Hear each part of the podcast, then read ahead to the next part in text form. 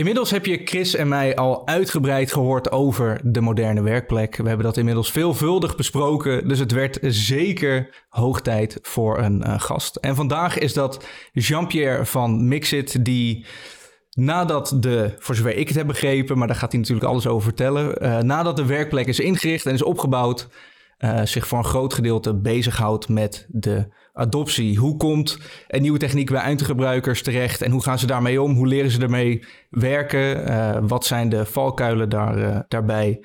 Dus ik vind het heel erg leuk dat je er bent, Jean-Pierre. op aanraden van Chris.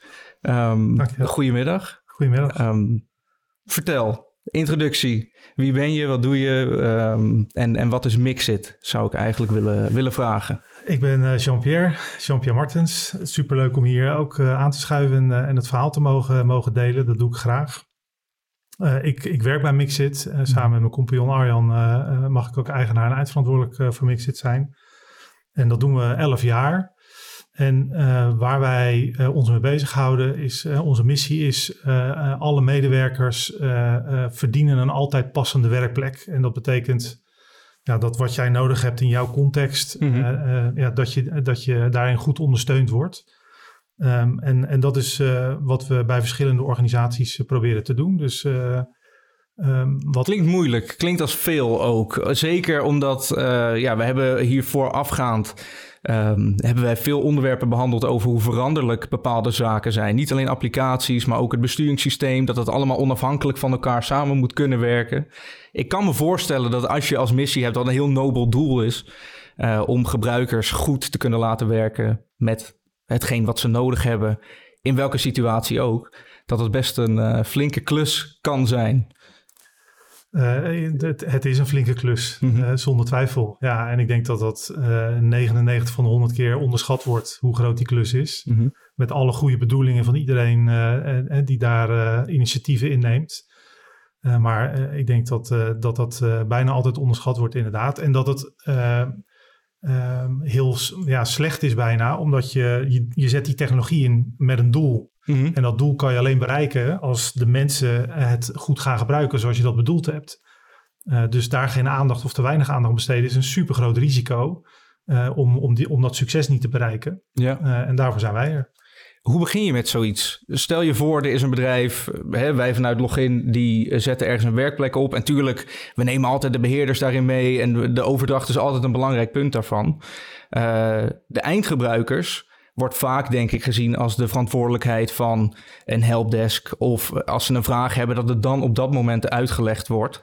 Is dat een goede aanname? En proberen jullie dat af te vangen door uh, dat te zien of op aanvraag te behandelen? Nee, uh, dat is zeker een stukje van de puzzel, uh, mm -hmm. de, de helpdesk zeg maar. Maar de ideale werkplek en ideale ondersteuning mm -hmm. heeft eigenlijk inzicht dat je die helpdesk niet nodig hebt. Hè? Want dan betekent dat je het echt goed gedaan hebt. Ja. Nou, eigenlijk begin je helemaal bij het begin. En dat is, uh, wat, wat, is, wat is je doel met die werkplek? Hè? Dus kijken naar de organisatie, bijvoorbeeld een ziekenhuis of een, of een gemeente.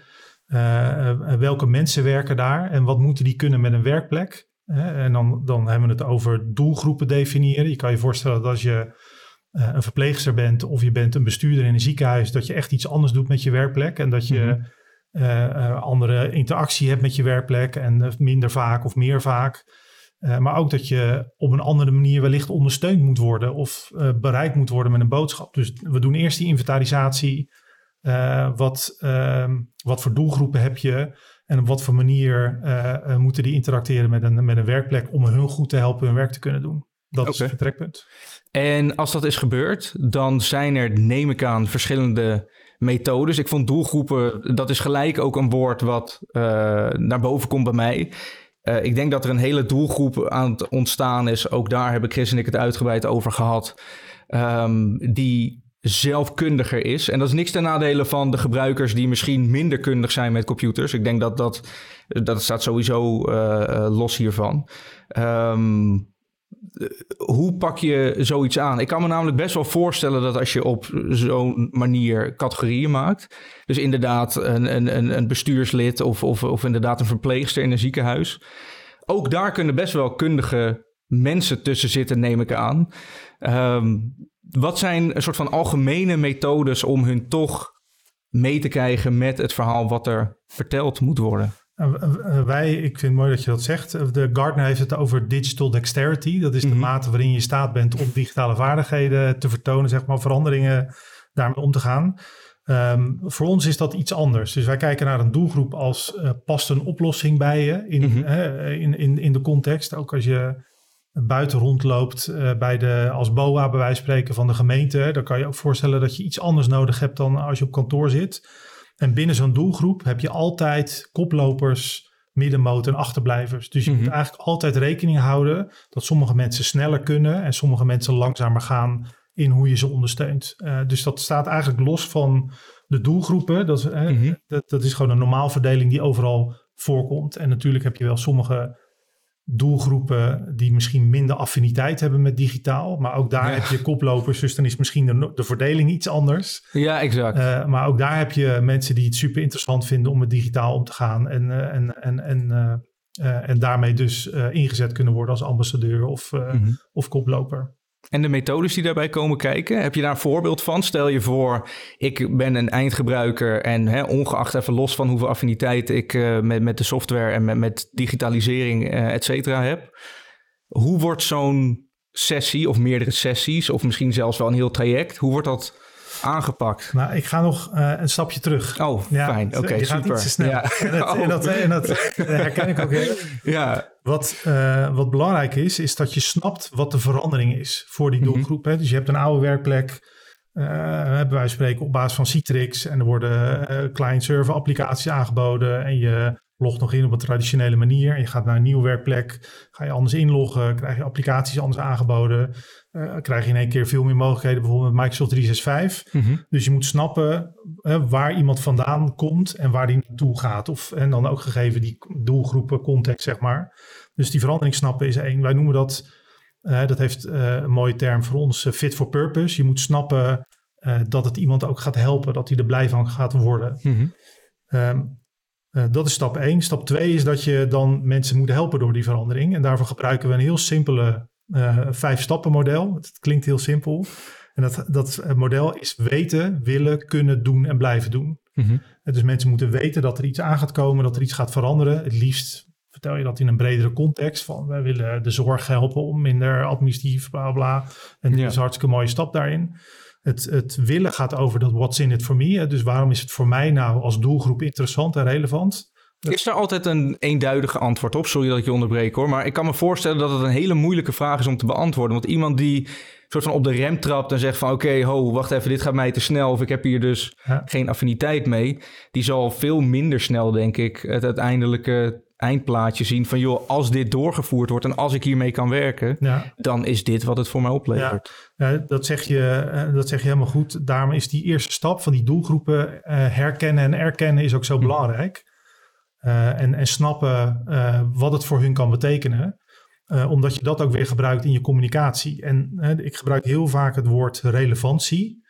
Je moet de relevantie uit kunnen leggen aan een persoon. En op het moment dat je dat niet kan, op het moment dat jij aannames doet over wat die relevantie zou kunnen zijn, dan neem je alweer een heel groot risico om dat succes te bereiken. En dat klinkt misschien heel ingewikkeld, of dat is het helemaal niet. Het is gewoon Mhm. doen. Het is gewoon met mensen in gesprek gaan. En ik heb een nieuwe werkplek en die ga ik even toetsen bij jou. En Ja. hoe komt dat over? Mhm. En dan krijg je input op. En sommigen zeggen van, wauw, eh, dit eh, logt echt eh, tien keer zo snel en als normaal.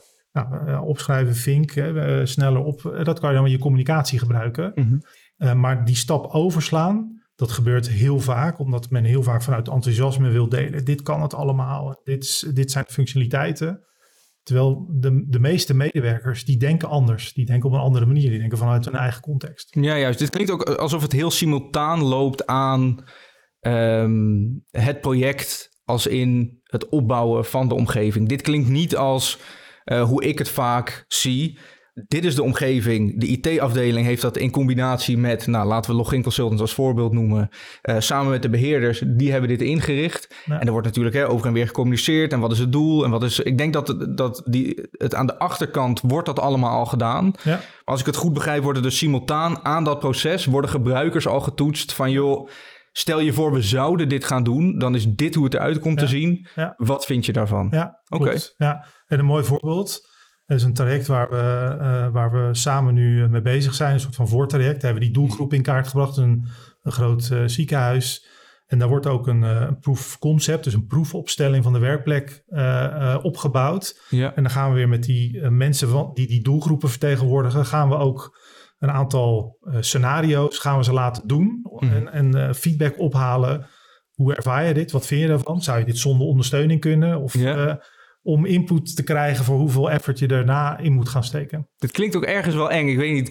Chris en ik hebben het ook met enige regelmaat gehad over gebruikers meer toelaten, meer laten mogen, meer Ja. opties geven om ze dingen te laten doen.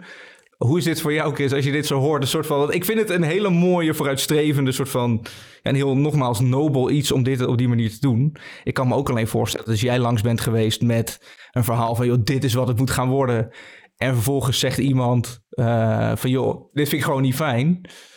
Dat dat toch ergens ook wel tegenwerkt. Ja, maar dat, dan, ehm, dan kijk je ook heel erg over. eh, hè, we zijn natuurlijk heel erg gewend om vanuit techniek te denken, Mhm. de nieuwste dingen. ehm, eh, en zo'n werkplek ook als zodanig ehm, eh, ja, te gaan gebruiken. Maar die brug naar de gebruiker is wat wij ook veel vaker doen. En dat doen we inderdaad ook met jullie. Ehm, want uiteindelijk moet die gebruiker er eh, eh, productief in zijn. Dit moet aanpassen aan zijn werk. En misschien moet hij zijn werk wel aanpassen aan de eh, ja, veranderende omstandigheden. Mhm. Kijk, het was natuurlijk vroeger ook wel zo dat je, je kreeg de IT voorgeschoteld op je werk.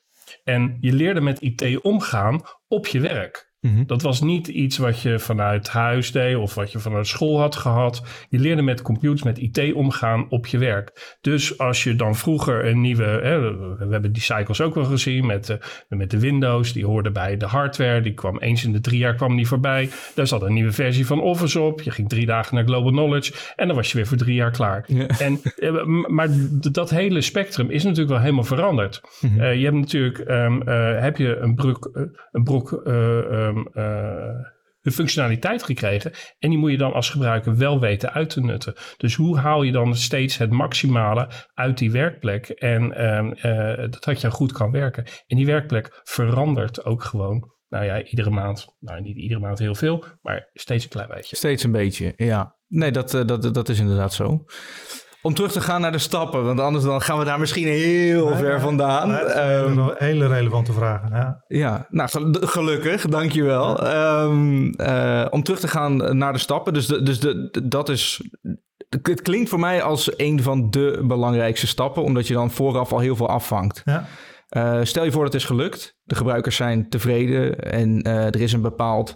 Hoe wordt dat eigenlijk gemeten? Is dat een score? Is dat een soort van natte vingerwerk? Ik kan me dat haast niet voorstellen, maar puur als... Nou, dat, eh, je probeert de, het succes zo, zo concreet mogelijk te definiëren, inderdaad. Mhm. hè. Dus dat kan van heel ik moet aan de technische kant zijn over hoe makkelijk het inloggen is. En hoe, hoe dat. een mooi voorbeeld daar, hoe het ook niet goed kan gaan, is dat eh, we ook wel met een, eh, een eh, doelgroep van buitendienstmedewerkers, zeg maar, eh, Mhm. dat die de drempel om in te loggen en op basis van compliancy wachtwoordwijzigingen te doen, Mhm. nou, dat, dat bleek gewoon zo'n drempel dat, dat, dat mensen die nieuwe toepassing niet gingen gebruiken. En gewoon lekker bleven whatsappen en op die manier informatie bleven delen met elkaar. Dus snappen wat die drempel is en daar een, een score aan hangen als het ware. Mhm. van wanneer nemen we er genoegen mee. Eh, daar begint het mee. En dat kan eh, eh, om, om, om inloggen gaan, maar dat kan ook om, hè, als je het hebt over een, een werkplekportaal. Hoe vaak moet iemand op zo'n portaal komen, vinden wij? Hè? Is dat Mhm. elke dag of vijf keer per dag? En eh, wat moeten ze ervan vinden qua- de informatie die er staat, et cetera? Ja, het is heel valide om het daar met je opdrachtgever over te hebben. En vaak challenge je ze daar ook mee, omdat er niet altijd even goed over nagedacht wordt. Maar ja, je geeft er wel euro's aan uit. Dus het is ook belangrijk dat je weet wat, wat het dan op moet leveren. Maar daar begint het inderdaad. Oké. En stel je voor, de score is positief. Er komt een eh, heel groot groen in beelden staan, akkoord. Wat is dan uiteindelijk een soort van nog... Nou, eigenlijk begint het dan pas. Eigenlijk, eigenlijk begint het Oké, dan want het klinkt voor mij namelijk, en dat is natuurlijk mijn onwetendheid Strikt ook. erom, klaar. Ja. Ja, nee, precies. Strikt erom, weet je, gebruikers zijn akkoord, doorvoeren die handel en gewoon gaan. Alleen, ik kan me inderdaad voorstellen dat er natuurlijk een stuk nazorg zit. Maar als ik je goed begrijp, begint het hier pas en is de nazorg niet eens nog in de buurt nee, van... Klopt, Oké. Nee, nee, dus daar, daar begint het pas. Omdat je feitelijk heb je dan, uh, snap je wat de oplossing betekent Mhm. voor de verschillende doelgroepen. Maar in zo'n doelgroepenonderzoek spreek je misschien 20 mensen, 25, 30. Als, als het een heel groot onderzoek is, spreek je er misschien 40. Mhm. Maar als je een populatie hebt van 8000 mensen bijvoorbeeld, Ja. dan, dan zijn er nog 7960 mensen niet betrokken in dit traject. Die, eh, waar je nog over na moet denken, hoe ga ik die meenemen? Hoe ga ik die vertellen wat eraan gaat komen en eh, ondersteunen, et cetera. Dus eigenlijk begint dan dat hele wiel van weten, willen, kunnen doen en blijven doen. En welke acties je daarvoor in gaat zetten, dat ga je dan opstarten feitelijk. Maar dan heb je wel alle input over wat je wil vertellen. Je snapt ook wat het voor doelgroepen betekent. Dus je kan het in je communicatie gebruiken. Je snapt hoe moeilijk een verandering is. Dus hoeveel effort je er moet insteken om te trainen. Of om koplopers goed te instrueren om hun team mee te nemen, et cetera, et cetera. Zie je daar een verandering in? Uh, ik kan me voorstellen namelijk dat... Uh, en nogmaals, dit is niet om mensen uit te sluiten of te beoordelen ergens op. Maar ik kan me voorstellen dat mensen over het algemeen, net wat Chris aangaf. Voorheen kreeg je hè, misschien alleen op werk en hoogstens op school mee. Uh, dat is inmiddels al lang niet meer. Inmiddels neem je IT mee naar huis. Log je misschien inderdaad zelfs in vanuit huis. Ik kan me voorstellen dat doordat mensen enigszins meer op zichzelf zijn aangewezen. Dat ze daardoor ook sneller zullen zeggen van joh, ik zoek dit zelf wel uit. Ik kan dit wel. Ik snap dit wel. Um, ik denk dat de context ergens van begrijpen vaak belangrijker is dan waar je exact op moet klikken. Tenminste, dat zou ik zelf hebben. Als zijnde. Als een knopje anders is, maar de tekst is hetzelfde. Of hè, het icoontje is nog wel hetzelfde, maar het knopje heeft een ander kleurtje. Ik noem maar iets. Of er is een nieuwe toevoeging bovenop een applicatie gekomen. Uh, ik denk dat en dit is even een aanname waarvan ik eigenlijk een soort van bevestiging of juist niet uh, zoek. Is het niet zo dat mensen dit al steeds gemakkelijker zelf kunnen?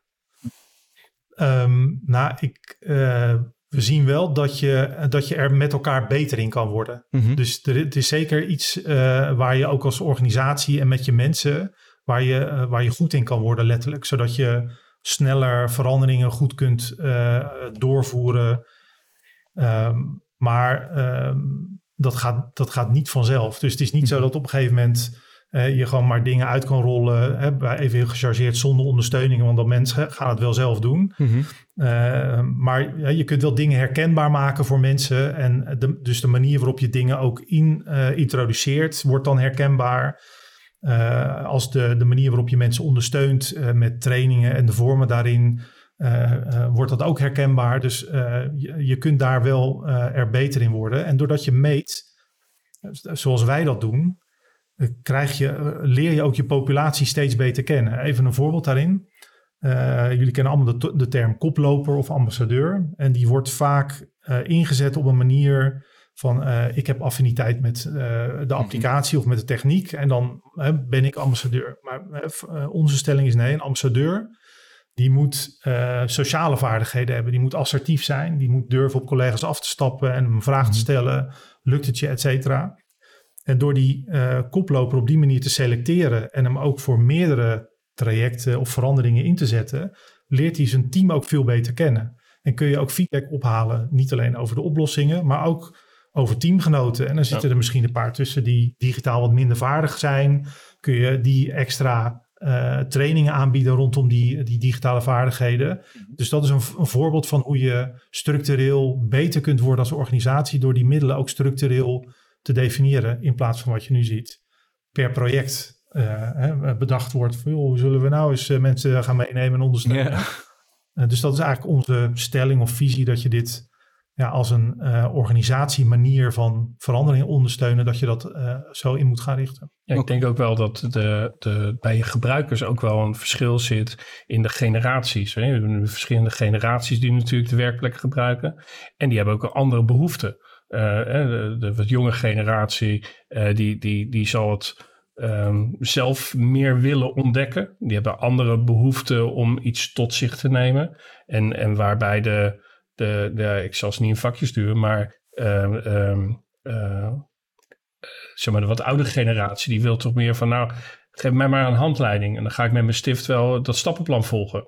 Uh, dus die hebben ook vaak een andere behoefte hoe ze nieuwe, nieuwe functionaliteiten en nieuwe technologie tot zich nemen. Ja, ik, dat herken ik zeker. Er zit wel ook een andere kant aan bij die nieuwe generatie. Uh, en die nieuwe generatie die is veel uh, uh, kieskeuriger, zeg maar. Of veel, als het gaat over die relevantie.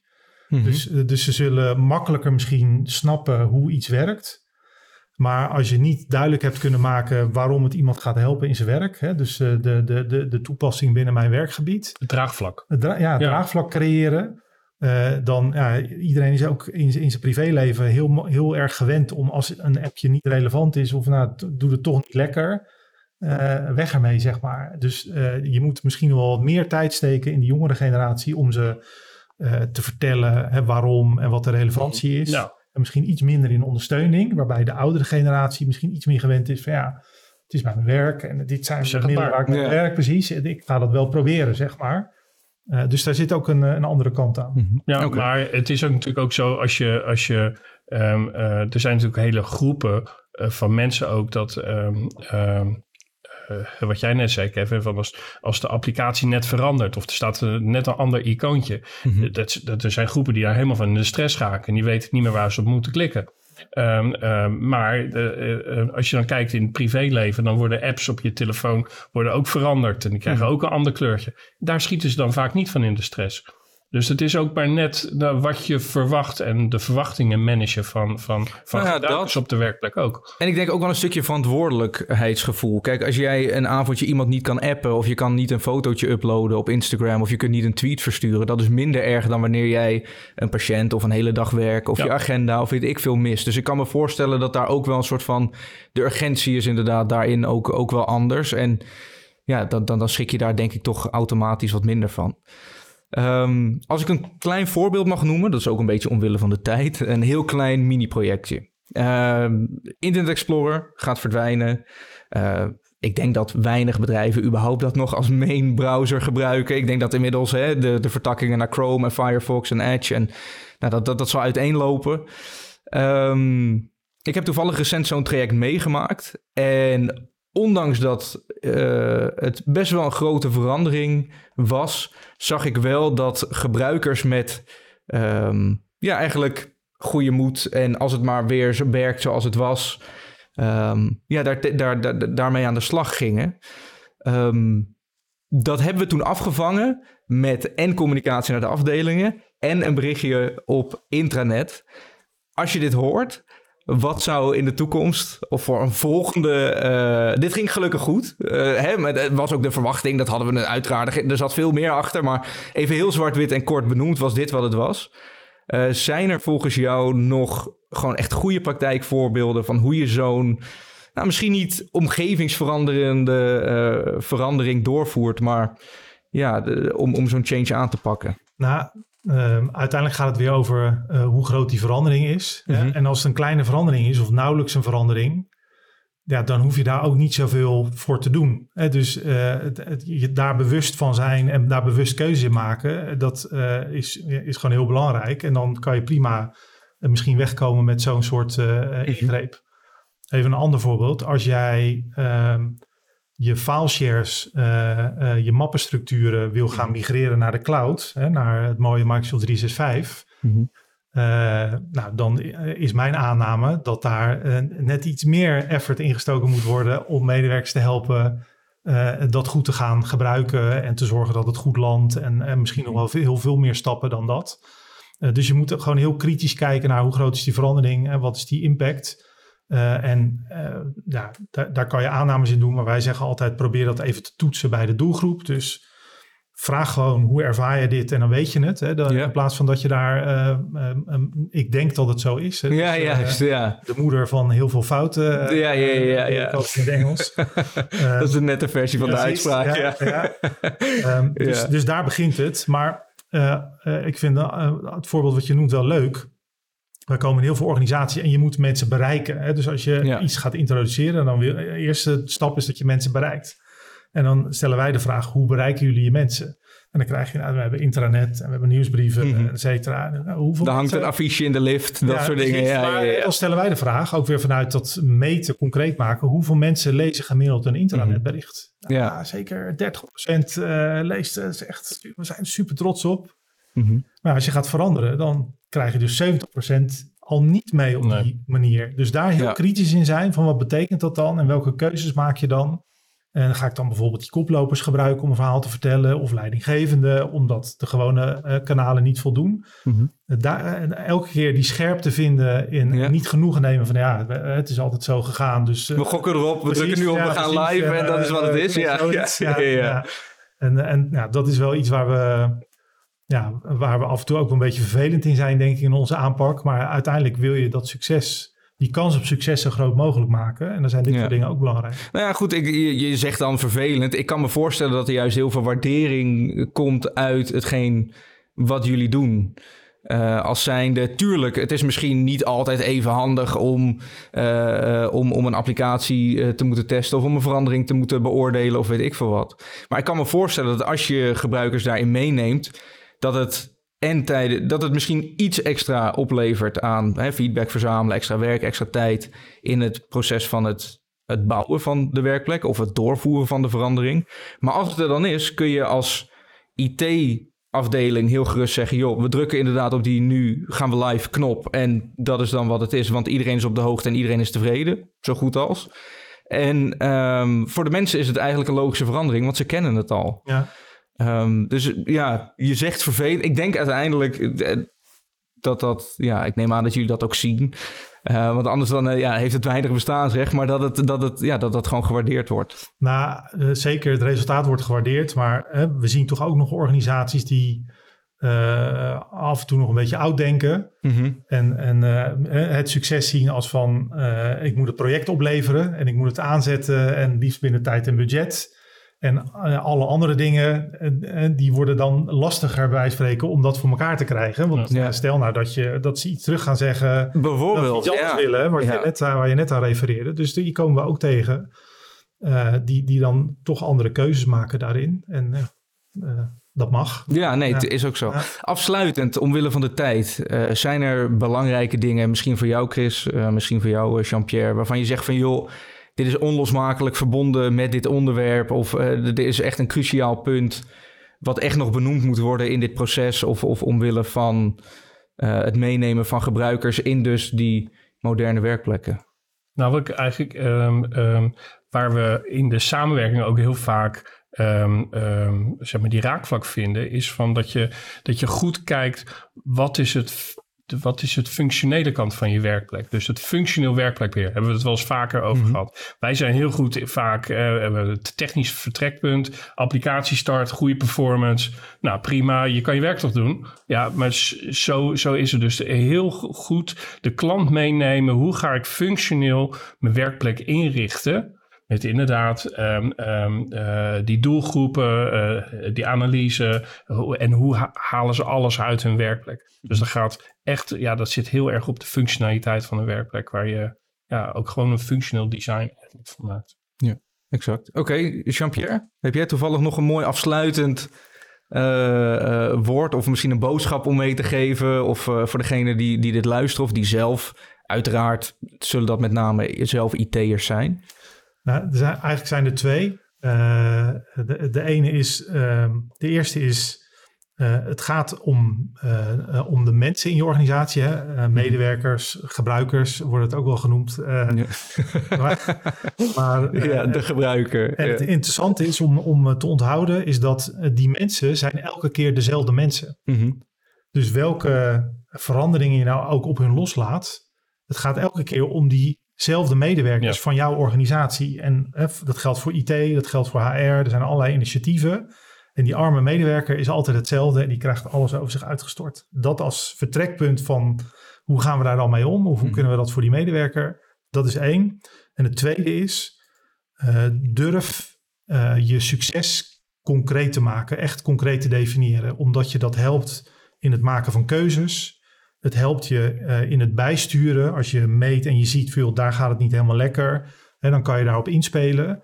Uh, maar als je, dat, als, je, als je succes niet concreet maakt, dan vind jij, heb jij je mening over succes, ik heb een mhm. mening. En dan, dan ben je dus nooit succesvol. Nee, het is heel subjectief. Ja, ja exact. Oké.